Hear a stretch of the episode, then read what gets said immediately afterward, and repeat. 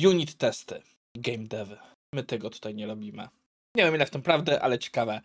A w dzisiejszym odcinku nie taka zła chmura i PO nie lubią bugów rzekomo. Czas zacząć.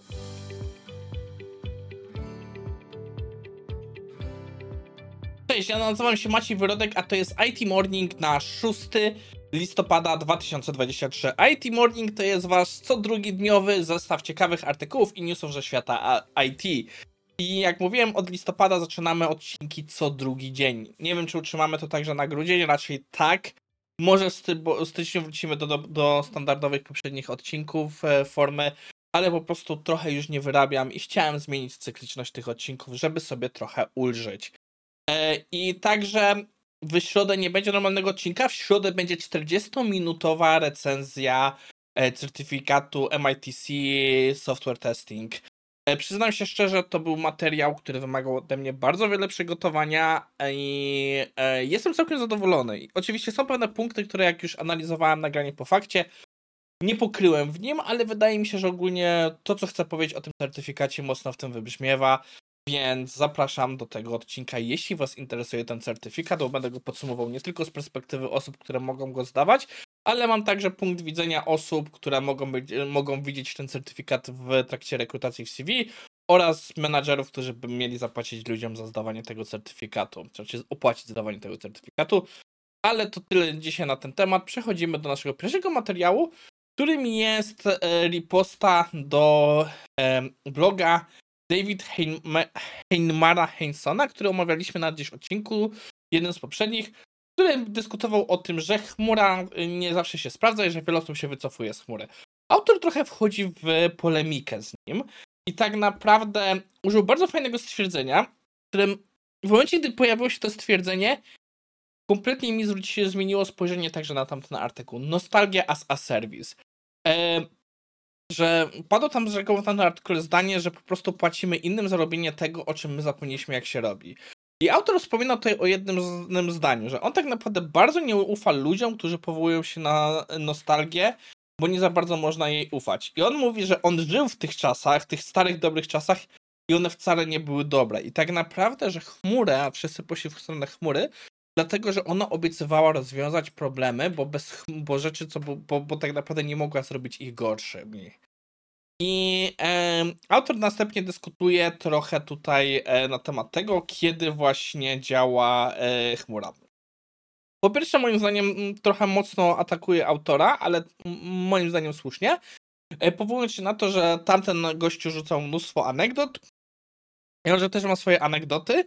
Między innymi zwraca uwagę, że tak naprawdę e, tamten autor posiada dużo system, jego portfolio głównie składa się z tak zwanych e, legacy SaaSów, czyli różnych systemów, które są dość legacy, które faktycznie można wynieść e, jak on-premise. E, I autor później zaznacza, że tak naprawdę nie, nie, do końca tak samo jak wszyscy są w skali Google, tak samo nie wszyscy są firmami, które mają albo bardzo duże kompetencje IT, albo mają bardzo niskie czy wysokie aspiracje. Ja to zbudował tutaj taką, nazwijmy to macierz, gdzie pokazuje e, różne sytuacje. Jeśli mamy niski potencjał wzrostu i niskie kompetencje IT, to najlepiej chmura, ale poszukaj sobie pomocy. Jeśli mamy niskie kompetencje IT, ale duży wzrost, to definitywnie chmura. Jeśli mamy niskie potencjał wzrostu, ale ogromne kompetencje IT, to definitywnie data center. A w ostatnim wypadku, kiedy mamy o wszystkie rzeczy wysokie, tak naprawdę mówić, co mam ci mówić, wiesz lepiej. I autor tym sposobem tutaj wdaje się mocno w tą całą polemikę. E, co mi też się także zwraca uwagę, no żyjemy w czasie, gdzie jest recesja i jest dużo zwolnień, redukcji i każda pozycja na rachunku jest analizowana. I nie ma co ukrywać, że e, tak naprawdę chmura jest bardzo droga. Jest bardzo często źle wykorzystywana i jest bardzo droga. Ale też moim zdaniem wystawia trochę li, liść oliwny, czy tam gałązkę oliwną, jak się tam poprawnie mówi, e, do autora tamtego artykułu, bo zwraca uwagę, że tak naprawdę rozwój chmury, rozwój narzędzi takich jak Docker, Kubernetes i tak dalej, i tak dalej, prowadzi do tego, że tak naprawdę budowanie rzeczy on-premise stało się też łatwiejsze niż było w tamtych czasach. U, I przyznam się szczerze, trochę to jest artykuł poza moją kompetencją. Ja powiem tak, ja się boję chmury. Ja jako osoba taka, która współpracuje gdzieś z różnymi rzeczami, w momencie, gdy muszę sam sobie pokonfigurować rzeczy w chmurze, zawsze się boję, że coś schrzani i nagle mi przyjdzie rachunek z Amazonu na ileś tam tysięcy. Ja wiem, że w teorii się ustawia różnego typu blokady i tak dalej, ale przyznam się szczerze, zawsze się tego boję. Mam, co prawda, ja akurat głównie jak już coś mam, to mam w Azure i mam tam postawioną bazę danych, gdzie w pewnym momencie w teorii powinien się w większości rzeczy łapać na free tier i mam ustawione, żeby mi w momencie, gdy wyjdę poza ten free tier, e, no, nie robiło dalej poleceń, tylko ubiło tą bazę, żeby po prostu nie wygenerować kosztów. A i tak pewnego miesiąca miałem do zapłacenia 50 dolców. Może się wam wydawać to, e, 50 dolców, co to jest, że to nie jest dużo, ale dla mnie to było takie, ale dlaczego w ogóle ja ten rachunek dostałem? Przecież wszystko skonfigurowałem tak, żeby w ogóle nie zobaczyć żadnych pieniędzy za to, że... Więc no tak trochę jestem, o, Luis mi tutaj wyszedł z łoża, coś dzisiaj się źle czuję, będę zaraz im szedł na spacer. Więc mam tutaj trochę właśnie takie moje obawy do chmury, ale też wiem, ile kosztuje posiadanie odpowiednich umiejętności, odpowiednich rzeczy on-premise, więc moim zdaniem faktycznie jest to narzędzie, które w zależności od grupy potrzeb wiele rzeczy rozwiąże, wiele rzeczy pomoże. Więc warto patrzeć na różne perspektywy, nie iść hypem jednej grupy, ale też łatwo popaść, że o nie, nie, nie ma co zmieniać. Dobra, lecimy dalej. Drugi artykuł jest coś, e, co mnie bardzo ciekawiło. Why product owners typically don't like defect. Przyznam się szczerze, artykuł jest dziwny dla mnie. Jakby to wyjaśnić? Zgadzam się praktycznie z każdym jego punktem, ale uważam, że to, to, to nie powiedziałbym ogólnie błędów, tylko boją, nie lubią krytykali i majorów. Bo wszystkie te rzeczy, bym powiedział, są faktycznie istotne w dużych błędach, ale w wypadku mniejszych błędów są ignorowane przez większość ownerów.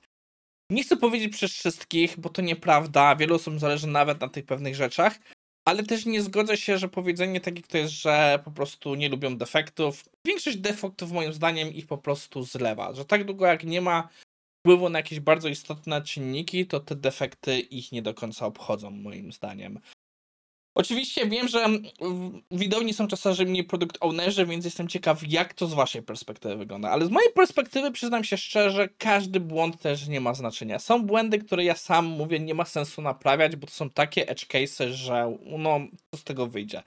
Michał Buczko w jednej ze swoich prezentacji też mówił, że mają coś takiego jak bug release, czyli po prostu część bugów świadomie nie naprawiają, ale mają je na tyle instrumentalowane, żeby być w stanie powiedzieć, czy na produkcji ktoś w ogóle w nie wszedł. I okazuje się, że sporą część z nich się nie dzieje. I no, dlaczego mówię o tych błędach, że to głównie tyczy się duże błędy?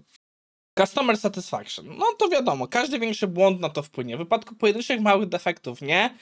Może z tym być różnie w wypadku, gdy mamy naprawdę dużo tych mniejszych defektów, wtedy czasami warto na to popatrzeć.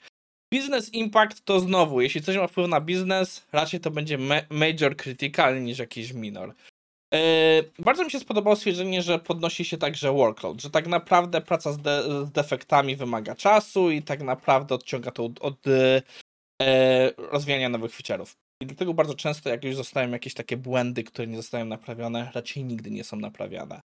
Autor dyskutuje także o długu technicznym, gdzie tu ja najbardziej z nim się nie zgadzam. Bardzo często właśnie tak, jakby to powiedzieć, ja wiem, że mówię z mojego doświadczenia, ale bardzo mało z mojej perspektywy produkt ownerów rozumie dług technologiczny.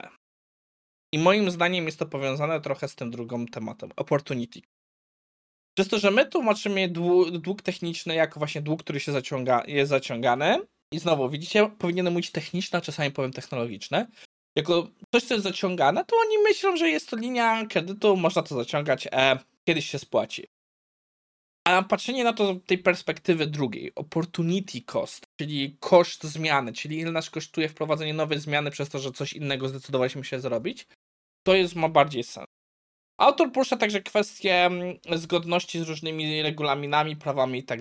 I tu znowu zaznaczam to na żółto, bo dużo biznesów świadomie te rzeczy olewa na zasadzie takiej, że kara nie jest wystarczająco duża, żeby tym się przyjmować.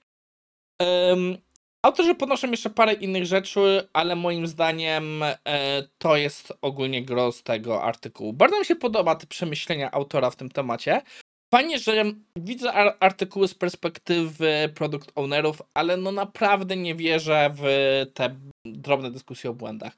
Ale na zakończenie chciałbym poruszyć jeszcze ciekawą dyskusję, co ostatnio miałem, powiązaną trochę z tym memem. Mamy 99 błędów w kodzie, błąd został naprawiony, mamy 127 błędów w kodzie. Ostatnio mieliśmy ciekawą dyskusję, że bardzo często te co większe, bardziej wredne bugi, jakie znajdowaliśmy, one powstały w efekcie naprawy innego buga. Jestem ciekaw, czy macie podobne spostrzeżenie. Dobra, czas podtrzymać dzisiejszy odcinek. Pierw mieliśmy polemikę z dyskusją, że warto wyjść z chmury, a później porozmawialiśmy sobie o produkt ownerach, którzy, którym też zależy na naprawianiu defektów i nie lubią błędów. Przyznam się szczerze, tak po fakcie myślę, że może w tym drugim artykułu byłem trochę zbyt surowy, ale to już wy ocenicie w komentarzach. Yy, Jutro nie ma odcinka, jutro będzie tylko short i w środę widzimy się na recenzji, tak jak mówiłem. Do zobaczenia.